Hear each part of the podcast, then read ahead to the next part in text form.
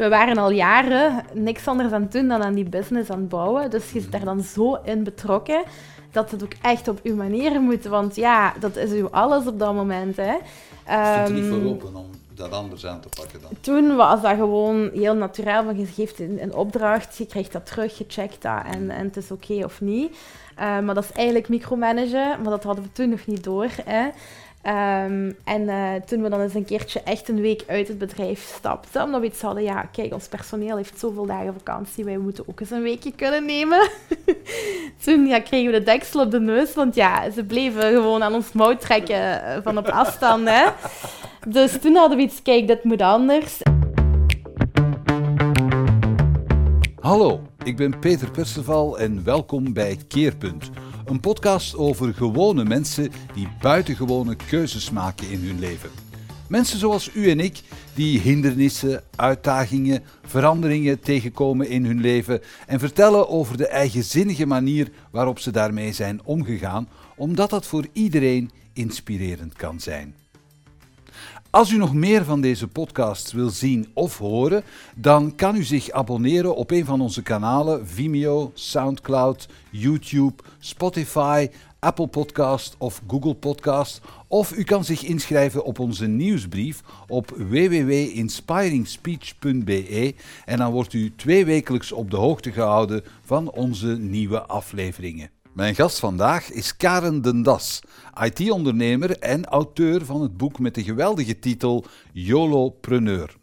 Want hoewel Karen een geboren ondernemer is en zij graag vertelt dat zij en haar man al een BTW-nummer hadden nog voor ze getrouwd waren, botsten ze na tien jaar druk ondernemen toch op de grenzen van hun eigen ondernemerschap. Want toen ontdekten ze dat ze zichzelf in hun onderneming zo onmisbaar hadden gemaakt dat ze eigenlijk geen leven meer hadden daarbuiten. Daarop besloot Karen haar ondernemerschap eens goed onder de loep te nemen en een aantal dingen drastisch te veranderen. Wat ze veranderde en wat er toen gebeurde, vertelt ze in deze podcast. Welkom Karen. Hoi. We kennen elkaar nog niet zo heel lang, maar als ik jou zou moeten beschrijven, dan is het wervelwind. Zou dat kunnen? Mogelijk wel, ja. Ik heb nogal wat energie bij, hè. Ja. Hoe komt dat? Ja, hoe komt dat? Ik denk een stukje mindset. Ik ben een hele positieve, energieke persoon van mezelf. En ik zie de zaken altijd positief en ik word snel enthousiast over dingen. Ja. Dus vandaar de wervelwind misschien. Ja, oké. Maar dat is, dat is fijn hè, om zo in het leven te staan. Ja. Karen, ehm, is dat altijd zo geweest? Ben je altijd zo... Ehm, ja, het, het- de positieve mindset wel. Zo ben ik echt ook wel opgegroeid. Denken in mogelijkheden. Mijn mama en, en oma waren altijd een rolmodel voor mij ook. Ja, wat deden ze? Ehm, mijn eh, oma had een brouwerij. Dus Mm. die, die was ook al ondernemer samen met haar man. En, en wat, Ehm, voor, wat brouwden ze? eh, ja, zo brouwerij. Eigenlijk meer verkopen van, eh, van drankje. Ja, En dan ook echt leveren aan huis. Dus Ja, vroeger ja, met de grote camion gingen die dus rond. Ehm, En maar waar, speelden ze dat af? in Bilze. Bilze, Oké. in Merum, ja. in Bilze. Dus eh, ja, die had, waren altijd meter woonde in zelfstandigen. Bilze, dus ik ken het Ah, daar een beetje. zij is ook mijn meter toevallig. Ja. Dus eh, ja, en eh, altijd dat ondernemende zat er zo heel erg in. En Hmm. het is wel heel jong weduwe geworden, maar heeft echt met haar vier kinderen gewoon de zaken vastgepakt en gezegd, we gaan erdoor, we Waaronder je ervoor. mama dus.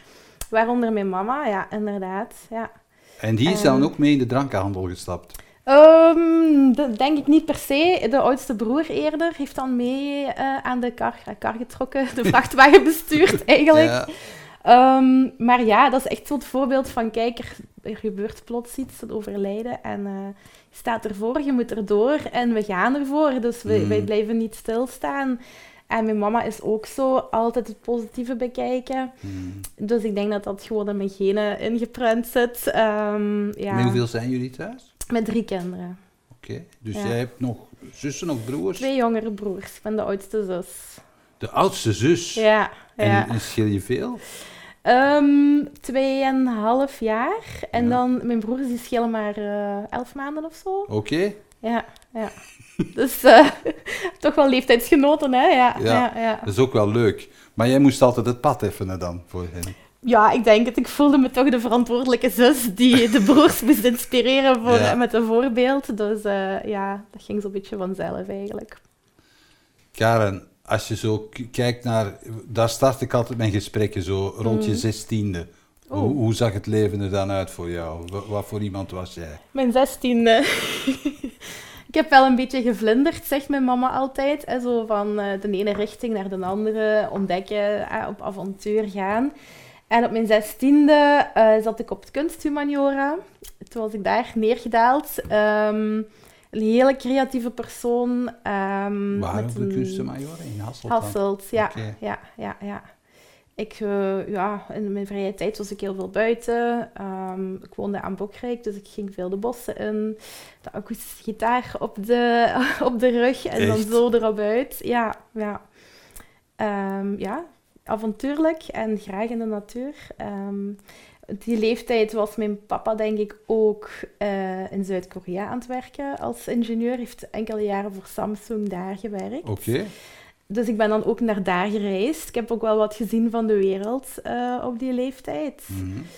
Dus eh, ja, ik voelde me een wereldburger. Limburger en wereldburger. Limburger en wereldburger. Dat was die slogan van het belang van Limburg in de tijd. hè? Ja, inderdaad. ja. Mhm. Maar, eh, wat me nu frappeert is dat je zegt, je zat in kunstonderwijs. Want Mhm. nu ben jij IT-ondernemer. Ja, inderdaad. Dat is wel, een- wat is er daartussen gebeurd eigenlijk? Wel, ik ben nog altijd de creatieve wervelwind in mijn bedrijf. Hè? Dus dat is Ja. niet veranderd. Ehm, ja, op mijn pad is dan mijn partner gekomen toen ik 19 was. En hij is een heel technische, analytische persoon. Ehm, was ook in zijn schooljaren al eh, dat, dat netwerk aan het bestuderen. Van, is dat hier wel veilig? Kan ik hier ergens een, eh, Hmm. een stokje tussen steken. Dus ehm, hij is echt het technische brein. En ja, dan hebben we een goede aanvulling aan elkaar gevonden door ook ja, de zaak te professionaliseren, daar een mooie brand Ja, maar van te wacht maken. eens eventjes. Want Dus, nu, eh, nu gaat het heel snel. Ja. Dus je hebt elkaar ontmoet op je negentiende. Mhm. En het was direct raak. Ik kan daar geen lang verhaal van maken. Ja, het hoeft ook niet, maar Nee. wat, wat, wat, wat was er gebeurd? Hoe, hoe hebben jullie elkaar ontmoet? Vertel dat eens. Ja, dus ehm, onze ouders kenden elkaar eigenlijk al even. Die deden zo samen Start to Run. Ik weet niet of je dat kent. Ja. Dan eh, ging je vijf kilometer lopen in stappetjes. Hè? Met Evie uh, hè? Ja, inderdaad. Dat was allemaal van die audio's en zo. dus die gingen samen sporten. En ja, ze vertelden natuurlijk over hun gezin. Hè. Wist, mijn ouders wisten dat ze een zoon hadden. Ehm, heel erg technisch aangelegd, hè, IT'er. En plots ging mijn laptop stuk. En mijn papa zei, ja Karen, we moeten naar de Daniels. Hè. dat is dan die familie hè, maar, waar dat hij woonde. En, ehm, Maar ja. had zij, zij had een winkel of wat? Ja, hij had een winkel al, inderdaad. Ah, oké. Ja, bij zijn thuis eigenlijk gewoon. Ehm, dus ik kwam daaraan met mijn laptop. En eh, ja, dus hij had zo'n blauw scherm gekregen. Ik kon er niks mee doen. En ik had niet de kennis om dat ding te herstellen. dus ik En hoe kwam dat je een blauw scherm had gekregen? Te hard gestudeerd, zeker. ik, weet Wat had je gedownload, Ka- Karen? ik weet het niet hoe het is gebeurd. Maar het was dus, ja, allee, tilt Ja. geslagen. Ja. Dus ehm, ja, ik ga die overhandigen. Hij heeft die voor mij hersteld. En hij liet een kladblokbestandje op mijn bureaublad achter. Eh, ik dacht, hmm, dat doen ze toch denk ik niet in alle winkels. en ehm, ja, zo zijn we dus persoonlijk met elkaar beginnen chatten. Wat was dat vroeger? Eh, ICQ MSN. of zo, of MSN, ja. Dus eh, ja, en dan heeft dat niet lang geduurd voordat we nooit meer apart geslapen hebben. Wat stond er in dat bestaan? Ja, dat is wel eh, geclassificeerde info. Maar dat is, eh, dat, was, dat, dat is een ondernemende IT'er dan, die zoiets doet. Absoluut, ja, ja, ja, ja. Maar zegt, hij was dan al met netwerken bezig, Ja. en met, met zaken. Eh, wist jij dat? Ehm, ja, ik, ik wist dat hij daar een, een slimmerik in was, dat hij daar wel mee bezig was. Ehm, hebben we natuurlijk, als we elkaar leerden kennen, heeft hij er heel veel over verteld. Dat hij in de school al aan aan het aftellen was voor bij Cisco trainingen te mogen volgen. Dus allee, dat zat er echt al heel vroeg in. Ehm, en ik vertelde dan mijn verhaal, van dat ik een geëngageerde persoon ben, met altijd creatieve ideeën en zo. En wij zagen daar een heel mooie aansluiting op elkaar daarin. Ja. Oké. Mai. Ja. En zo direct, op je eigenlijk- 19. Ja, ja, ja. Wat zijn uw eh, ouders, daar, ouders daarvan eigenlijk? Dat is een heel goede vraag. Ik heb er eigenlijk niet veel over gevraagd, maar ik dacht, weet je wat? Ze hebben mij daar een keer laten binnenstappen met mijn kapotte laptop. ik zal hun zegen wel hebben, zeker. Maar dat is dus ja, eigenlijk wel een enorm keerpunt. Ah, ja. uw blauw scherm. Mijn blauw scherm, ik ben het nog altijd dankbaar. Dus jullie zijn onmiddellijk een zaak gestart eigenlijk. Ja, dus we zijn eerst een beetje aan het daten geweest, een paar maanden. Dat is lang, hè? Hoe is dat daten met een IT'er eigenlijk? Hoe gaat dat? Dat gaat eigenlijk goed, ja, ja. ja, ja. ik moest hem toch niet veel uit zijn schulpje halen, dus... goed.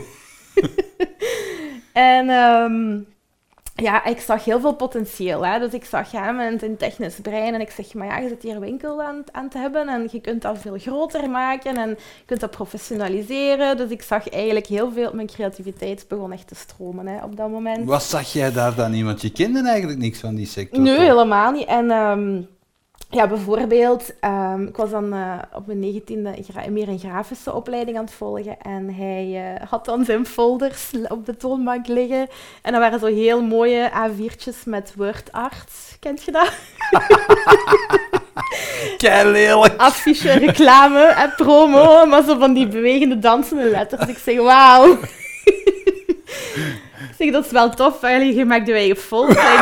En ik, bewonderde dat wel, maar ik dacht, hmm, dat kan wel een level up eigenlijk. Ehm, dus ik ben eigenlijk eerst begonnen met hem echt te helpen met folders, een logo, zodat dat te professionaliseren eigenlijk. Er echt een bedrijf meer van te maken. Oké.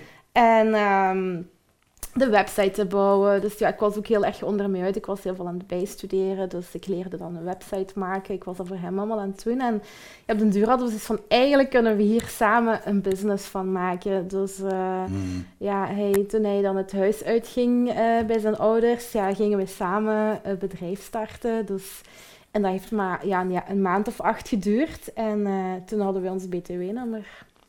Voor je getrouwd was? Ja, Oké, dat is...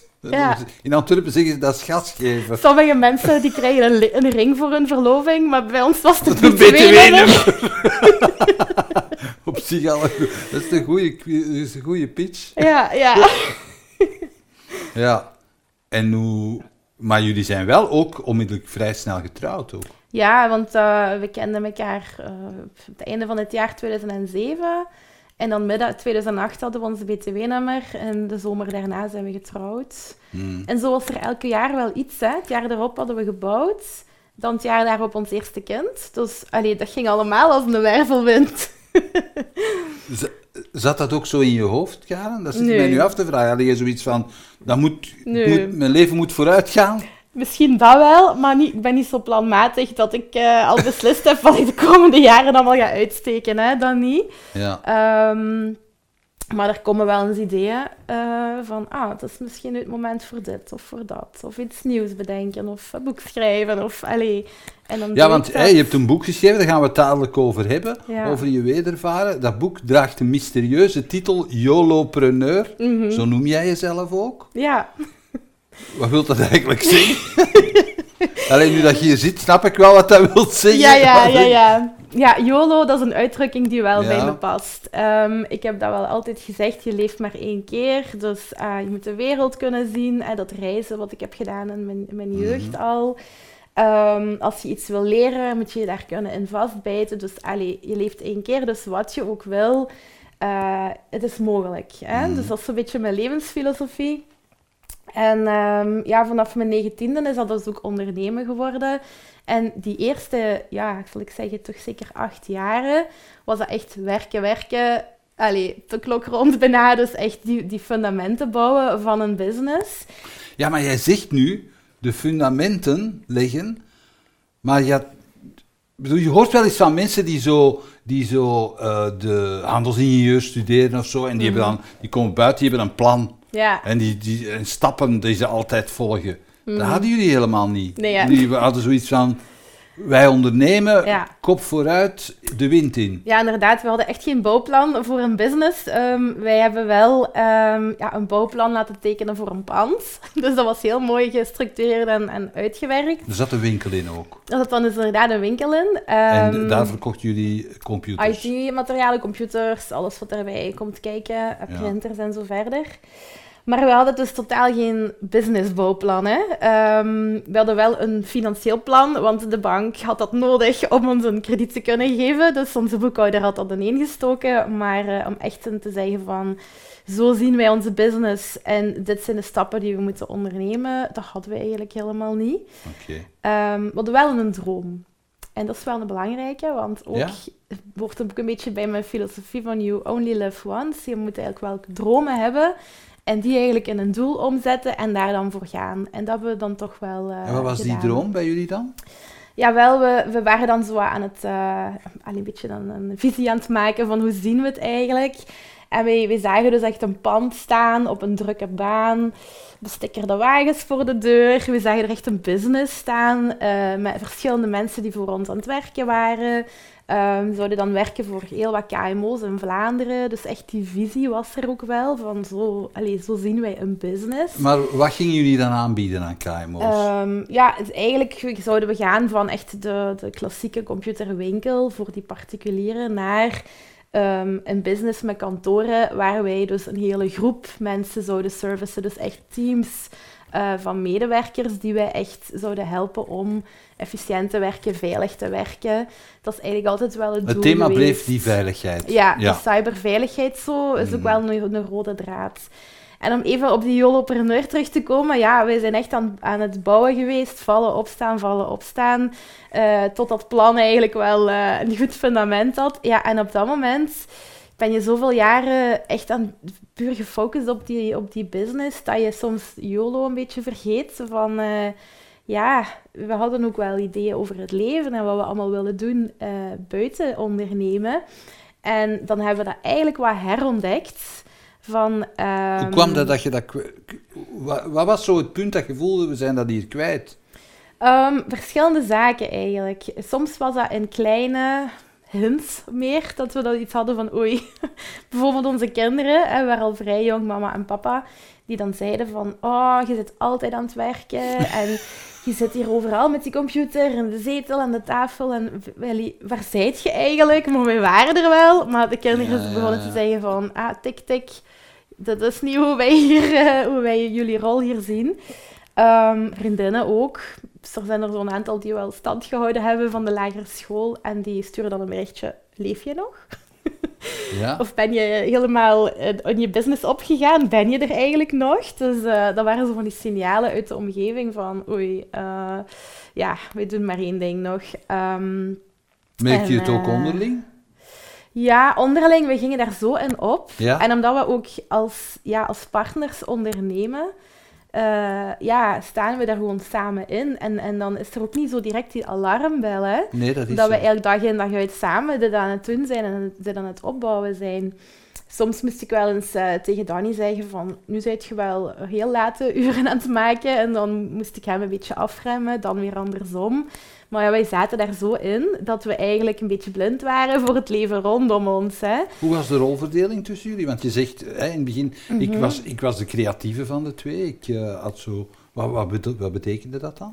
Ehm, dat is tot op vandaag nog altijd wel zo, dat Danny Ja. de meer analytische is. Dus hij denkt de technische structuren uit voor eh, de IT van de bedrijven. Dus de audits, eh, Mhm. de structuur van een datacenter, hoe dat er allemaal eh, in elkaar steekt en zo. Ik ben nog altijd de persoon die meer zo een marketinggedeelte regelt. ehm, HR, ons, ons brand. ehm, Dus ja, we hebben nog altijd eigenlijk ons eigen domein in de, in de firma. Ja. En hoeveel Ja. mensen werken nu voor jullie? We zijn met zeven waar wij, waar wij ook onder vallen. Dus vijf eh, medewerkers en wij twee. Oké. En, en nog volk daar rond ook? Nog eh, freelancers? Ja, ehm, dat valt mee soms op projectbasis dat we wel inderdaad Mhm. een freelancer inschakelen, maar niet dat ze zo vo- allee, vast voor ons werken. Ja. Ja. Ja. Wil je groeien?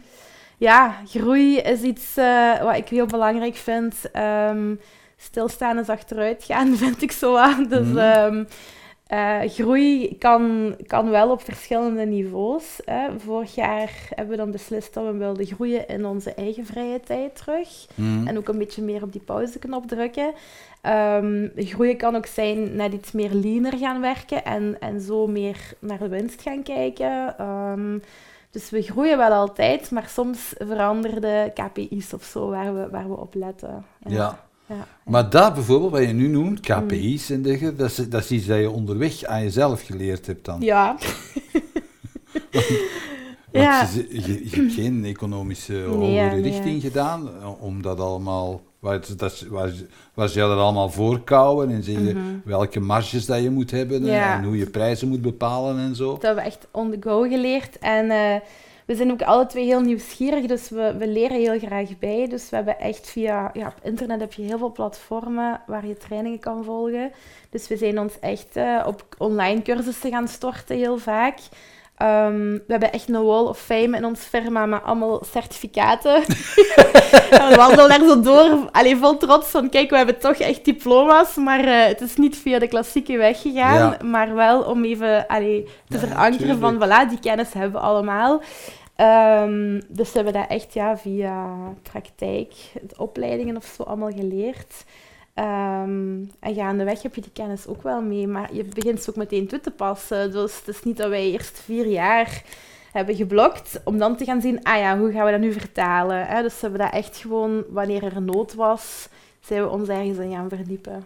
Ja. Zeg, met je partner ondernemen, dat is eh, leuk, maar dat heeft ook veel nadelen, weet ik uit ervaring. Ah ja? Want ja, je bent inderdaad samen bezig aan iets de hele tijd, wat Mhm. leuk is. Hè, je koestert samen een project en samen een droom. Maar ehm, er komt ook altijd wel, eh, er moeten knopen soms doorgehakt worden. Mhm. En eh, de ene partner die hakt misschien graag knopen door en de andere partner niet. Mhm. Ben je dat soort dingen ook tegengekomen? Ja, gelukkig niet dagelijks.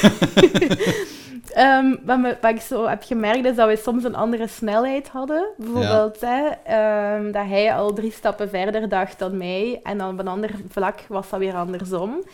Maar ehm, we hebben dat altijd wel... Allee, we zijn typische Belgen ook. Dat we altijd een beetje zoeken naar een compromis van waar we alle twee mee kunnen leven. En eh, soms is het ook van, je plant een zaadje van, dit is een, misschien een idee dat we kunnen uitvoeren. En dan na een tijd geeft dat een beetje water. En na een tijd komt dat er dan toch wel. Dus alleen een ondernemer die eh, de enige kapitein is van het schip, zal misschien sneller knopen doorhakken als ons. Mhm. Ehm, maar die van ons zijn wel altijd heel beredeneerd, want we hebben daar twee invalshoeken voor. Dus we zien dat wel als een voordeel. Ehm, en ja, we, we zijn ook wel, we aanvaarden ook als de ander ergens niet, nog niet voor, voor open staat of zo, dan laten we het ook. Dus, eh, ja, ja. Ik denk dat dat een, een eh, groot voordeel is van die twee diverse persoonlijkheden ook wel. Hè. Als we tegelijk zouden zijn, zou dat misschien sneller botsen. Ik weet het niet, maar... Zie, eh, daarnet zei je van, ja, we hebben dat ook moeten leren met vallen en opstaan. mhm. Wat, was, kan je zo'n moment van vallen beschrijven? Ja, een vrij grote val is eigenlijk geweest dat wij... We hadden eigenlijk een heel pand gebouwd, maar we waren nog in onze start-up fase eigenlijk. En we hadden dus de boekhouder onder de arm, waarvan we iets hadden van, dat is een expert. Maar op een bepaald moment kwamen we dus te weten dat er... ehm, ja, de constructie en de boekingen, hoe, dat ze eigenlijk ons pand, de bouw van ons pand eigenlijk geboekt was, dat dat niet correct was. En we moesten dus een, een grote correctie laten doorvoeren op vlak van BTW. Kregen we daar dan een mooie afrekening. En dat was ja, stantepede paniek bij mij toch. Hè. Ehm, ik, was, ik ben dan de extraverte, dus ik kan nog alles heel expressief in paniek slaan dan. en eh, ik zeg, we hebben niet op de rekening staan, hoe gaan we dat doen? En Wat dan- is ja. dat, jong? Ja, dat was op zijn Limburgs. Dat is hier niet juist.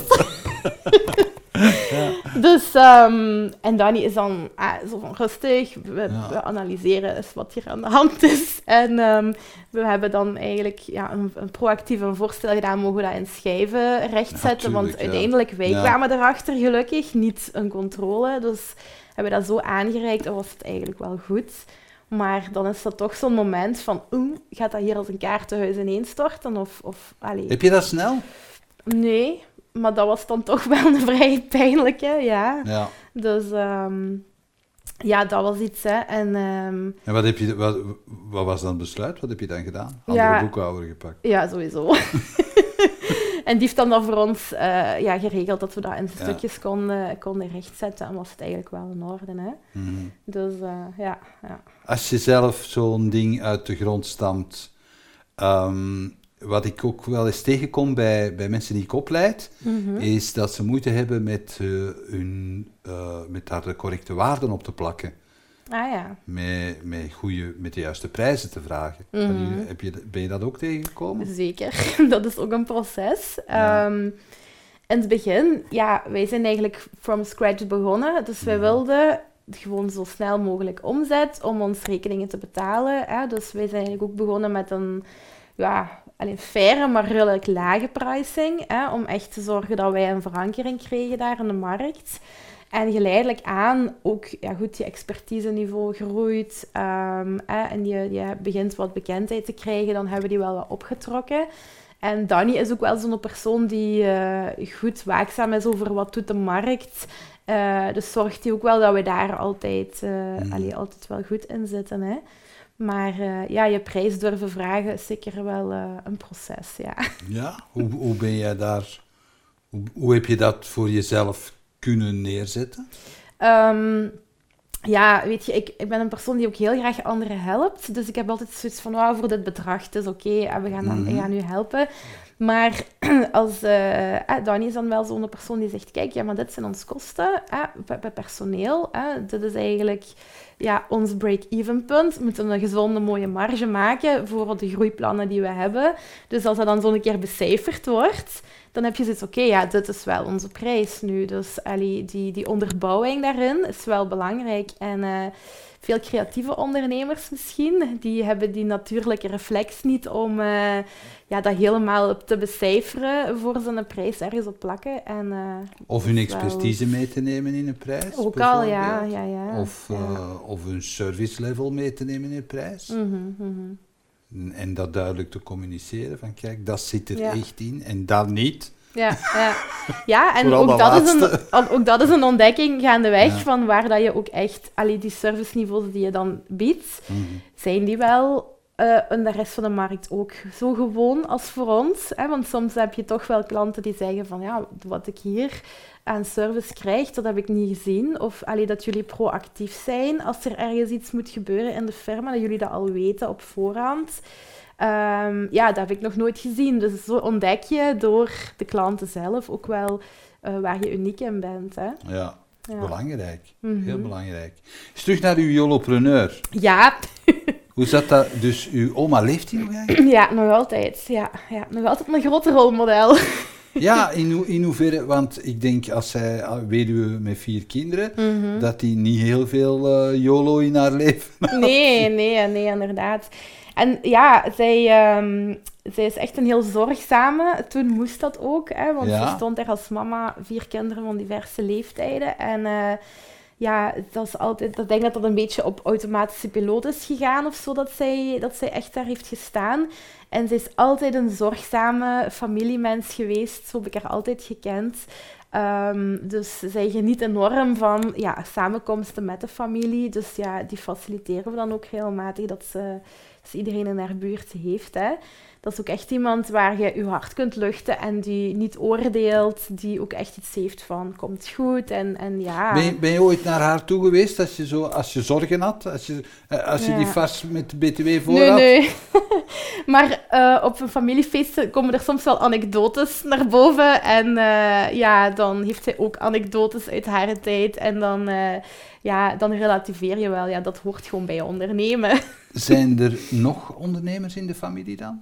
Ehm, valt mee. Dus mijn, mijn mama en papa die zijn wel heel ondernemend. Mijn papa heeft naast zijn eh, job als industrieel ingenieur altijd een bijberoep gehad. Ook toevallig eh, computers. Toevallig. Dus, eh, of niet zo toevallig. Volgens mij was het een complot, Karen. Oh, een complot kan wel, van, complot Ja, van ja, IT'ers ja, in uw ja, ja. buurt. Hij wou mij al een beetje brein wassen voor dan dat moment dat hij mij ging introduceren. nee, maar ik heb altijd eh, harde, hardwerkende ouders gehad. Hè? Dus Ja. ehm, die, die waren ook altijd bezig. Mama ook, haar eigen zelfstandige activiteit. Ehm, Dus Wat ik denk die? ook, mijn mama was ook altijd zelfstandige, hè, dus die heeft ook nagelstyliste was zij. Ah, oké. Ehm, Die was niet in, in het bedrijf bij de grootmoeder gebleven. nee, nee, nee. Dus eh, ja, ik ben altijd opgegroeid in een gezin met harde werkers. Hè. Dus dan was het ook logisch om eens dat btw-nummer, om gewoon ervoor te gaan en, en hard werken. En, en, Deed jij dan ook studentenjobs en zo als je jong was? Eh, ja, als ik nog in school zat, ehm, was ik vrijwilliger bij Muziekodroom. Zo'n, eh, ja, voor artiesten optredens en zo. ja, ja, ja, verbonden aan PXL, hè, is dat toch? Ja, en dan eh, Mhm. was dat, kreeg je daar altijd een, een vergoeding voor elke avond dat ik daar ging werken. Maar ik heb nooit een werkgever gehad of zo. dat ken ik niet.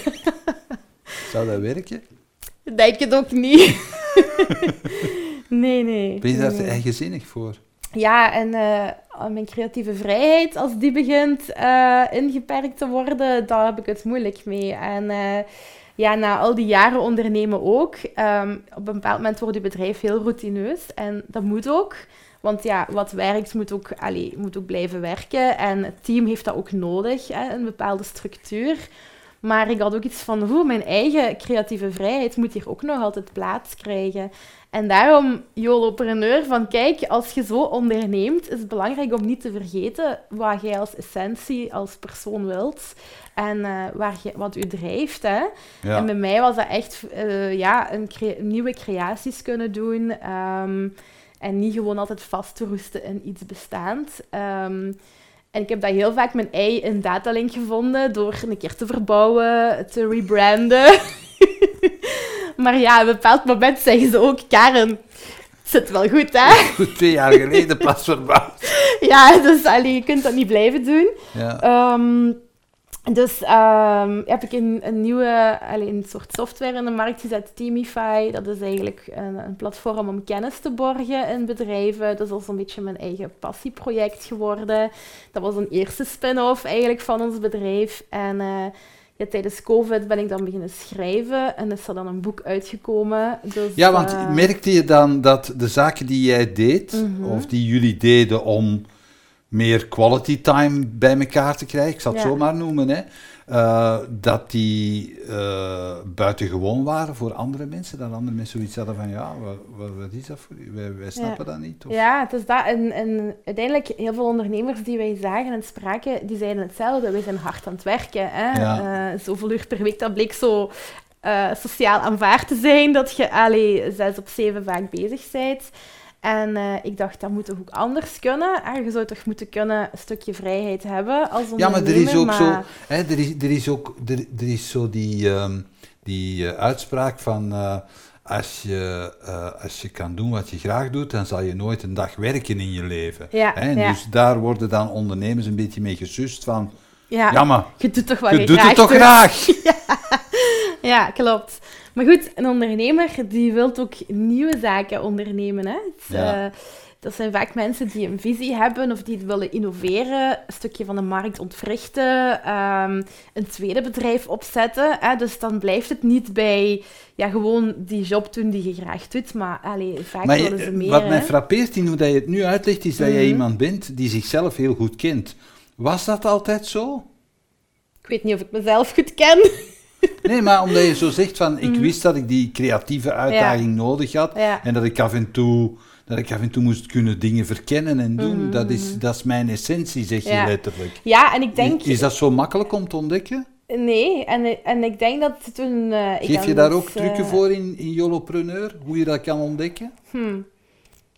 Eigenlijk is het tijdens het schrijven van mijn boek geweest dat ik die terugblik een keer gedaan heb. Want eh, Oké. ik ben mijn boek echt begonnen met wie, hoe is mijn, eh, mijn traject geweest als, als persoon naar het ondernemerschap. En, en hoe heb ik dan van daaruit gezorgd dat ik terug mijn vrijheid had. Mhm. Ehm, en door he- heel die weg een keer terug te gaan, vanaf eigenlijk uw, uw beginjaren, gelijk je nu ook in het interview doet Mhm. eigenlijk, ga je ontdekken dat er bepaalde punten zijn in je leven waarvan je zat, ja, daar kom ik opnieuw op die bepaalde waarden uit. Mhm. In mijn geval v- of bewegingsvrijheid of, of, avontuur of zo.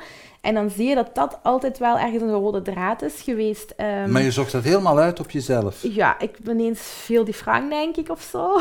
Ja, ja want je mensen die Ja. zeggen van, ja, ik moet naar de coach. Moet dat gaan uitzoeken. Ja, ja. Misschien Maar dat jij- een coach die jij juiste vragen kan het Ik ga wandelen, ik zal het wel ontdekken. Nee? Pak mijn pen en ik begin het uit te schrijven. En ehm, ja, pas op, ik, ik lees, hoor, ik lees ook heel veel. Hè? Ik lees Ja. heel veel managementboeken en heel vaak is dat ook een stukje reflectie. Hè, van, Hmm, eh, ja, Wat is het beste managementboek dat je al gelezen hebt? eh, eentje dat ik ook in mijn, waar ik in, in mijn boek naar verwijs is de E-Myth. Mhm. Dat is eigenlijk een boek, maar dat is echt of ja, businessboek, hè. Ehm, en daarin zegt de auteur van, ja, uw bedrijf moet je zien als een systeem waar... en je moet dat zo inrichten dat je dat kunt opschalen naar een franchising over heel de wereld. En door zo naar je bedrijf te kijken, gaat je niet meer die eh, ondernemer zijn die vanuit zijn passie doet wat hij graag doet en niet rond de Mm. kerktoren uitgeraakt. Hè? Dus hij zegt, je moet eigenlijk iets bouwen waar je kunt multipliceren. En dat vond ik zo boeiend, want ik dacht, ja goed, ik wil helemaal geen franchising, want in onze visie hadden we die gevel met die auto's en dat was niet internationaal, dus dat zal er niet komen. Maar het is wel boeiend om je bedrijf zo te Ja. zien als een systeem eigenlijk. En eh, ik ben, daar ben ik heel veel over gaan denken van oké, hoe kunnen we alles nog meer in een systeem gieten waar ik niet altijd middenin moet staan. En Ehm, ja. op zo'n moment is het dan niet verleidelijk om nog groter te denken dan? Om te zeggen, oké. Ja, en, en het kan, hè. Als je op dat moment zegt, ik ga mijn visie herdenken en ik zie het nu wel heel groot, dat, dat, is, dat is niks wat we als ondernemer tegenhouden om dan eh, koers te wijzigen of zo, hè. Ja. Ehm, voor mij was dan het moment van, kijk, vroeger kon ik zoveel bewegen, creatief bezig zijn en nu ben ik altijd in die business bezig. Ik wil terug die beweging en, en die vrijheid hebben om dan weer met nieuwe ideeën naar die business te kunnen gaan, die weer beter te maken, groter te Mm. maken op andere niveaus. Ehm, dus ik heb echt mijn project van gemaakt van zorgen dat dat een systeem is, dat er staat, ehm, waar ik heel graag in werk, maar ik ook een stukje misbaar kan zijn als ik het wil. En hoe doe je dat dan? Wat, wat zijn zo de, de, de, De stappen die je daar doet? Ja, enerzijds ehm, iets wat heel belangrijk is, is het team. Ja, ik denk dat Mhm. iedereen eh, met een onderneming daar wel, dat wel kan beamen.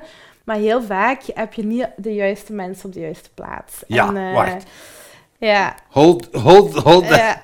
hold your beer. dus het is...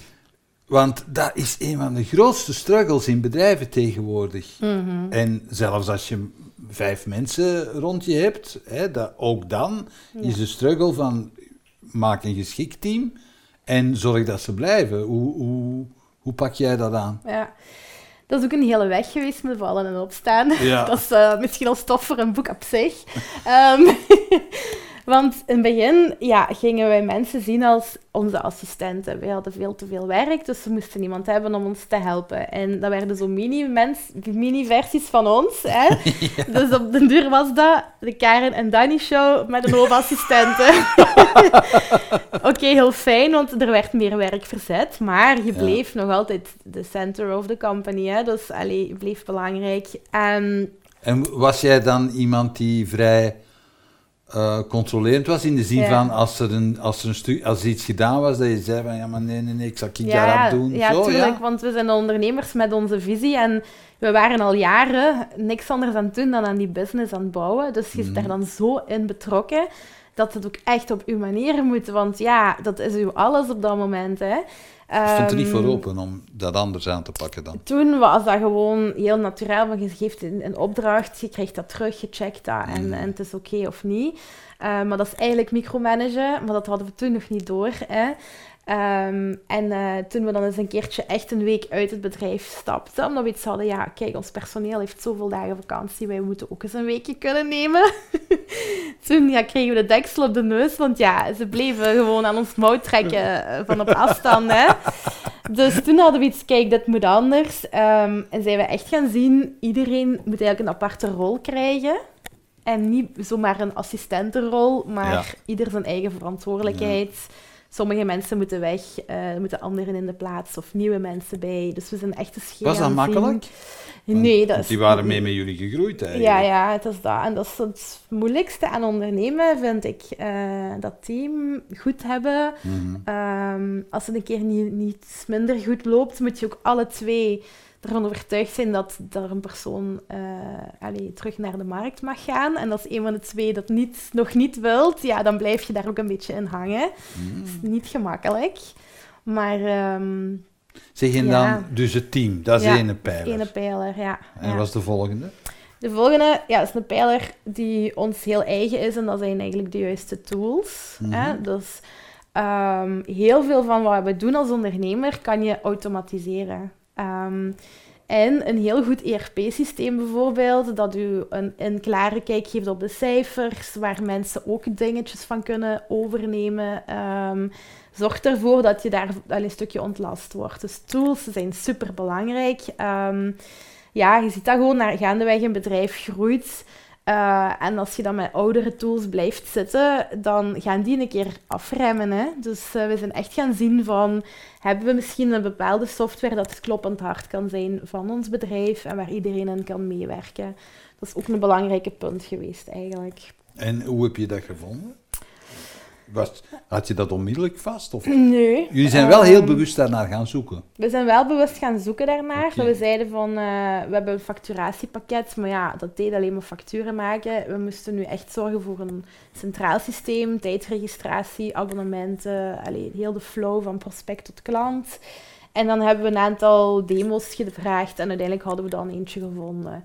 Dus eh, ja, een hele belangrijke, hè? want als wij er nu niet zijn, kunnen we nog altijd inloggen, op dashboard zien wat dat er allemaal in bewegen is in de organisatie. Mhm. Ja, waar we voorheen altijd fysiek op kantoor moesten zijn hè, voor die zaken. Oké. Dus eh, dat is eigenlijk pijler 2. eh, Mhm.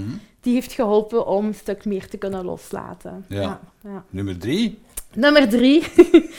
en dat is hetgene wat meestal mist in, eh, in KMO's, in, in kleine bedrijven die aan het groeien zijn. En dat is processen. Ehm, heel veel van hoe iets moet gebeuren, kennis over de bedrijven, zit in ons hoofd. En eh, iedereen op de werkvloer doet maar eh, naar, naar, zijn beste, alleen naar zijn beste wil van eh, dit, dit moet, moet uitgevoerd worden, ik ga dat naar, ik ga dat naar mijn idee doen.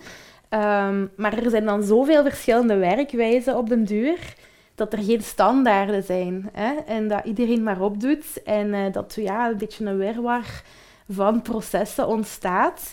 Eh, de ondernemer heeft heel veel in zijn hoofd zitten van hoe dat er wordt gewerkt of wat het ideale is.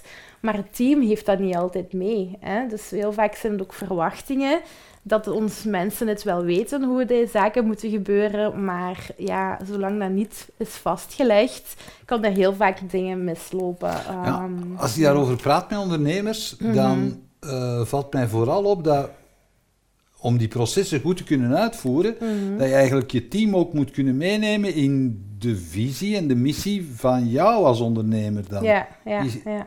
Ben je het daarmee eens? Of zeg je van, ja, dat moet nu niet per se, als ze maar goed weten wat ze moeten doen? Nu, wel, ik ben er wel van over, eh, overtuigd dat je als bedrijf een bestaansreden hebt. Ja. Dat is een reden waarom je bedrijf er is. En ook wat klanten over je bedrijf zeggen, hè? wat dat er eigen is aan je bedrijf. En die identiteit moet wel iedereen kennen en ook een stuk mee uitdragen. Hè? Daar ben ik Mhm. sowieso wel van overtuigd. En dan, de manier hoe je werkt, wordt daar eigenlijk aan vastgekoppeld. Van, oké, wij staan voor proactiviteit. Dus in alles wat we doen, moeten we zorgen dat die proactiviteit mee wordt genomen. Dus in die processen zit de identiteit van de organisatie mee. En dan snappen mensen ook meer waarom je iets doet op de manier dat je het doet. Ja. En zo krijg je meer betrokkenheid in plaats van op te leggen van, ja, hier is exact hoe ik het wil, voer het uit. Dat kan iedere Hoe, robot. hoe, leggen jullie dat, eh, hoe leggen jullie dat uit aan je, aan je medewerkers? Vooral deels bij onboarding vertellen we waarom we dingen belangrijk vinden. Mhm. Heel veel is gedocumenteerd. Ehm, we, zijn, eh, we hebben een vijfhonderdtal instructies gedocumenteerd ondertussen. Dus heel ja. onze handleiding over hoe ons bedrijf werkt, hebben we eigenlijk gedocumenteerd samen met ons team. Maar zo- dat is gigantisch werk, toch? Ja, en maar dat is echt on the go gebeurd. Oké. Begonnen met de meest belangrijke dingen. Heel veel met checklists gewerkt. Of, of als we een mail sturen, die we wel regelmatiger sturen, maken we daar een standaard van, slaan we die op. Dus op den duur hè, is, is er heel veel pasklaar materiaal om op de werkvloer te gebruiken. En weten wij ook van, ah, ze moeten daarvoor niet meer aan ons mouw trekken. Mhm. Dus eh, echt een stukje standaardiseren, wat in de IT eigenlijk ook wel heel eigen is. Mhm. Maar in heel veel andere organisaties niet. Hè. Eh, iets kennis borgen of zo, dat, je, dat gebeurt niet op een natuurlijke manier. Maar door dat net wel te doen, creëer je weer ruimte om eh, het leven te leven of eh, het verder te ondernemen. Ja, en een beetje efficiëntie ook. Hè, ja. Absoluut, Ja. ja. Dus dat is processen. Ja. Heb je nog een pijler? Nee, het zijn eigenlijk de drie Oké. de mensen, processen en tools die je samen laat werken om te zorgen dat je werkvloer echt gestroomlijnd is Mhm. en zodat je niet altijd meer betrokken moet zijn. En wat is de, de grote belofte die jij dan hebt? Je zegt van hoeveel tijd win je daarmee? Ja, als ik, kijk naar mezelf, ehm, ik ben vorig jaar vier vijfde kunnen gaan werken. Dus Fridays off was mijn, eh, was mijn motto. Oké. Vrijdag niet aanwezig, eh, zelfs niet voor vragen. Ehm, gewoon zorgen dat ik op vier dagen eigenlijk het, heel, het hele businessverhaal kon mee runnen. We zijn een bouwproject begonnen in de Ardennen en de vrijdagen hebben we altijd gehouden om werfopvolgingen te doen. Dus we waren er dan ook niet aanwezig. Ehm we weten dat wij van ook weekenden werken komen, dus allee, zes of zeven op zeven, naar uiteindelijk een vier vijfde job, eh, om ondanks het kleine team toch alles te runnen. Ehm, ja, en uiteindelijk, sinds het boek nu op de markt is, moet ik ook tijd kunnen nemen om natuurlijk over mijn verhaal te spreken. Dus nu ben ik eh, anderhalve dag op de werkvloer aanwezig en de rest niet. Ik zit een beetje te kijken, nog totaal verbaasd. Maar het is, dat is een hele grote stap. Ja. Heel veel geautomatiseerd, sowieso. Ja. Ehm, ja, we hebben echt kei veel dingen ondernomen. Ik heb dat allemaal in tips en tricks in mijn boek geschreven en zo. Dus eh, het is niet dat je met drie knopjes te draaien, daar Mhm. zijt natuurlijk. Hoe lang heb jij eh, erover gedaan, over dat proces? ehm, ik denk een jaar of drie of zo. Mhm. Ja. Maar dus nu ben je alweer met een bouwproject bezig samen met je man, zeg Ja. je net.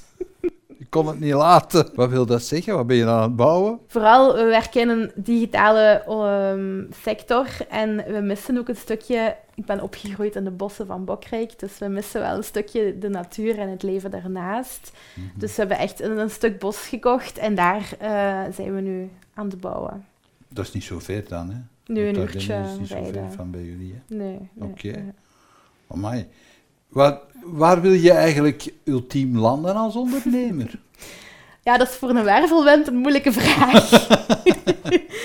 Want ehm, ieder jaar komt er wel zoiets op mijn pad hè, dat Ja. ik wil doen. Ehm, het is niet dat mijn bucketlist compleet is. Hè. Dus dat is een... Heb je een bucketlist? Ja, en dat is echt een work in progress. Ehm, Is het lang, ja? Ja, en, en goed, eh, we zijn een keer op vakantie geweest naar Dubai en ik wilde een keer skydiven, dus ik heb dat daar gedaan. Ik wilde een keer een boek schrijven, dus ik heb dat dan gedaan. Dan kwam dat idee van de Ardennen op ons pad. We zijn dat nu aan het doen. Dus ja, ik denk gewoon eh, het zin voor avontuur en, en, en de nood aan creatieve vrijheid, als die in mijn leven kunnen zijn, dan, eh, ontstaan er, dan blijven er nieuwe projecten ontstaan. Ja. De titel van jouw boek appelleert ook enorm, omdat je natuurlijk... ehm, er zijn heel veel jonge mensen die in het ondernemerschap stappen, Mhm. maar die op voorhand al zoiets hebben van, ja, maar ik, ik wil wel ondernemen, maar ik ga, ik ga mij echt niet doodwerken. Ja. Ik wil ook nog leven. Mhm, Hè? mhm. Dus, eh, maar jij bent, wel- jullie, jullie beiden hebben je echt eerst wel niet doodgewerkt, maar toch bijna, Ja, ja, ja, ja. bijna doodgewerkt. Voor, je er, voor je tijd had, Mhm. voor je tijd kon kopen eigenlijk, om heel dat, eh, om, heel, om, om die drie pijlers goed in elkaar te zetten. Dat is ook zo, Is, ja. het, is ja. het mogelijk van, om vanaf het begin, denk jij dat het mogelijk is om, Mm. als je als ondernemer start, van, vanaf het begin die drie pijlers echt goed neer goed te te zetten? zetten? Ja, mogelijk wel. Dan zult je wel iets meer dat bouwplan moeten gaan maken op voorhand. Ja. eh, van er zo los in te springen als ons. Ehm, en ik zie dat inderdaad ook wel in de generatie twintigers en zo. Van oké, ik wil wel Mhm. balans en eh, eh, ik ben wel eh, zelfstandige, maar ik wil ook altijd voor mijn kinderen zijn en zo. Dus je kunt dat wel designen. Maar dat moet wel heel beredeneerd zijn dan. al dadelijk de juiste mensen en zo. Dus allee, ook heel goed becijferen, want die juiste mensen komen ook met een, met een investering die je moet doen. Dus allee, het is wel een kwestie Zeker in de. IT-sector, eh, hè, die liggen niet voor het rapen. Nee, het is dat, hè. Dus oké, kan het? Ja. Maar uh, je kunt niet direct parttime gaan werken of zo. Hè. Je zult toch ergens allee, een fundament moeten zetten. Maar ik denk met de kennis die ik nu heb, had ik 15 jaar geleden wel veel sneller uh, ja, een goed verankerd bedrijf gehad, waar ik sneller een stukje misbaar was. Maar ja. Um... Je hebt nu dat boek geschreven. Is die ambitie mm. om mensen daar echt in te gaan begeleiden of zo? Ja, um, ik, ik, inspireer heel graag. Ja. Um, ik wilde vroeger ook juf worden, andere mensen helpen met mijn boodschap. Onderwijs was niks voor mij, maar uh, het inspireren wel. Dus de doelgroep zijn nu niet studenten, maar ondernemers. Ja. Um, en ik, heb het, ik krijg het er wel altijd wat warmer van of kippenvel als ik weet dat ik iemand kan helpen om een stukje uit die gouden kooi terug te stappen. Van uh, heel hard werken, daar toch ook meer, iets meer vrijheid weer hebben. Dus dat beweegt me wel. Um, het boek is stap 1. Dat is nu om, uh, om mijn boodschap wat, wat uh, schaalvergroting te geven. En daarnaast wil ik zeker uh, nog initiatieven in de markt zetten om mensen samen te brengen en daarin te begeleiden. Want bijvoorbeeld die Teamify, dat is eigenlijk een tool, in het, een, een, ja. een tool die je kunt gebruiken om ja. uit te voeren wat er in je boek staat. Ja. Wat houdt dat dan precies in? Eigenlijk is dat, ja, je kent Wikipedia, dat is eigenlijk een, een, grote knowledge base van uh, kennis over, ja, een soort van uh, encyclopedie eigenlijk. Mm -hmm. um, het is eigenlijk een Wikipedia voor je bedrijf. Dus dat is een besloten omgeving, hè, dus daar kan niet iedereen zomaar in. Uh, maar het is wel echt een databank met alle kennis die je daarin plaatst over hoe je bedrijf werkt. Um, sommige klanten hebben meerdere vestigingen of een franchising bijvoorbeeld, en die hebben daar hun hele handboeken in staan over hoe hmm. dat je dat moet runnen. En zo kun je eigenlijk ja, meerdere vestigingen aansturen. Nu, die tool hadden we voor onszelf eigenlijk gebouwd in de fase dat wij dus die processen wilden gaan vastleggen. Uh, maar op vraag van klanten hebben we daar echt een licentie van gemaakt. Maar ik merkte dus ook ja, dat ondernemers met een, met een lege tool, een lege wiki, kunnen ze nog niet veel. Dat moet echt iemand uh, actief gaan, uh, gaan hmm. documenteren. En mijn boek is eigenlijk een, een handleiding over de, hoe je dat stap voor stap kunt doen. Okay. Um, maar daarnaast ook het team zelf. Misschien mhm. moet ik me daar wat toe richten. Die rechterhand of die office manager die, uh, die mee aan die kar trekt. Mm. Um, om die ja, een stukje te trainen om, om uh, dat te gaan doen op de werkvloer. Uh. Met een hele tijd zit af te vragen, als je dat zo vertelt, zijn ja. je die klanten kwijtgeraakt? Doordat je, doordat je de dingen anders bent gaan organiseren? Die zoiets hadden van, oh, we zien Karen en Danny niet meer? Uh, niet met die reden, nee. Dat is niet, uh, niet iets wat ik heb, uh, nee. Wat ik wel ook uh, allee, belangrijk vind, is bij een project bijvoorbeeld, we blijven nog altijd betrokken, maar in een heel bewust stukje. Dus waar dat wij ook echt een, een meerwaarde ja. kunnen zijn, daar dat vullen wij nog altijd in, maar we introduceren dan ons team eigenlijk als de personen die voor de klant klaarstaan. Mm. Dus uh, het is niet dat we helemaal van het toneel verdwijnen, um, maar we, we baken er meer af wat onze rol eigenlijk is. Ja. ja, ja, ja. Wie zijn zo typisch jullie kanten eigenlijk? Dat ziet mij ook de hele tijd af te vragen. Um, ja, KMO's in Vlaanderen, dus enkel ja. uh, Nederlandstalig. Uh, voornamelijk Limburg, Antwerpen, stukje Vlaams-Brabant ook. Heel veel dienstverlenende bedrijven, uh, accountants, kantoren, bouwkundige, dienstverleners, advocaten. Ja, uh, verzekering, heel veel B2B-dienstverleners eigenlijk. Everybody needs IT. ja, dat is, dat is een, een zekerheid, ja. Ja. ja. ja. Ja, omdat ik zo, ik zit de hele tijd te denken, ik ken een, ken een paar mensen die in de, bij grote spelers werken. Mhm. En die grote spelers die pakken echt wel een, een fameus stuk van de markt. In. Dus ik vraag me dan af, jullie zijn een relatief klein bedrijf. Mhm. Is er dan nog, is er nog iets over? Ja, tuurlijk, tuurlijk. En uh, het zijn ook niet de hele grote KMO's, dus wij werken nog altijd rechtstreeks met het management. En die mm. houdt ervan om nog altijd een stukje met een familiebedrijf ook samen te werken. En een grote speler wordt heel onpersoonlijk. Um, en de echte grote KMO's, waar je dus niet met het management zou werken, maar met een, uh, ja, een, een, uh, een, een, managementgroepje daarin of zo, mm. die zitten dan vaak bij de grotere spelers ook. Hè. Um, maar uh, ja, de personal approach is iets waar, waar klanten echt wel voor kiezen. Ja. Super. Karen, als jij nu op je zestiende in de, in de kunstschool jezelf terug zou tegenkomen, wat stel jij eigenlijk tegen je eigen? Amai, dat is een moeilijke vraag. Ik heb dat uit een moeilijke vragenboekje. Nog niet verklappen, hè? de mensen mogen dat nog niet weten. Ehm, ja, ik zou zeggen blijven, blijven fladderen. Hè? Blij, trouw blijven aan, eh, aan, aan u als persoon en blijven dromen.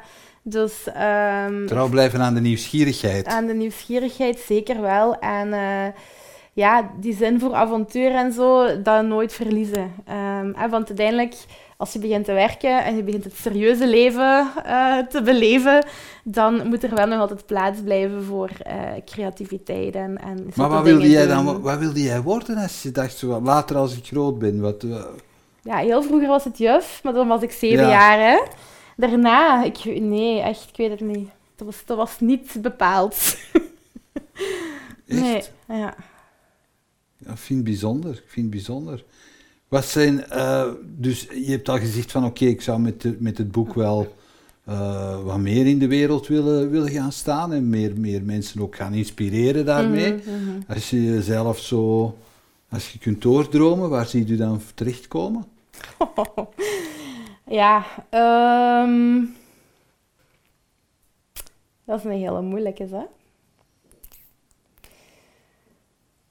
Ik denk die, die wereldburger, wat ik al vroeg besefte dat ik een wereldburger was, ik denk dat ik sowieso ehm, mijn vleugels blijf uitspreiden en de wereld rond ga blijven reizen, Mhm. verkennen. Dus ehm, ik denk ehm, dat ik sowieso ondernemers ga blijven helpen met mijn methode. Maar of dat specifiek in België moet zijn of altijd fysiek, dat denk ik niet. Eh, ik denk eerder misschien een online eh, aanbod maken dat heel schaalbaar is.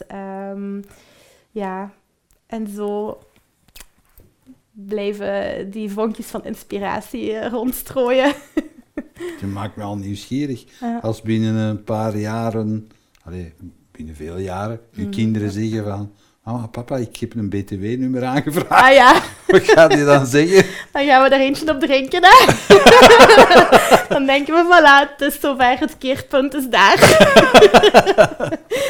ja, Ja. ja. Maar je, vindt- je gaat niet zeggen van, wacht eens even, ga Nee. zitten. Nee, nee, nee, nee, nee, zeker niet. Ik, ga dat met, met- ik ben een grootste supporter. ehm, en eh, dat is een teken dat zij ook een droom hebben waar ze een doel van willen maken. Dus eh, dan ga ik hen daar heel graag in helpen. Ja, absoluut.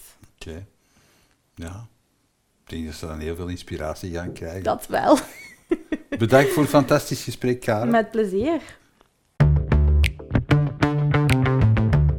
Bedankt dat je keek naar deze aflevering van Keerpunt. Wil je op de hoogte blijven van nieuwe afleveringen en nieuwe interessante gasten? Abonneer je dan op onze nieuwsbrief via www.inspiringspeech.be. Iedere twee weken brengen wij een nieuwe aflevering online op inspiringspeech.be, YouTube, Vimeo en Soundcloud. Tot ziens.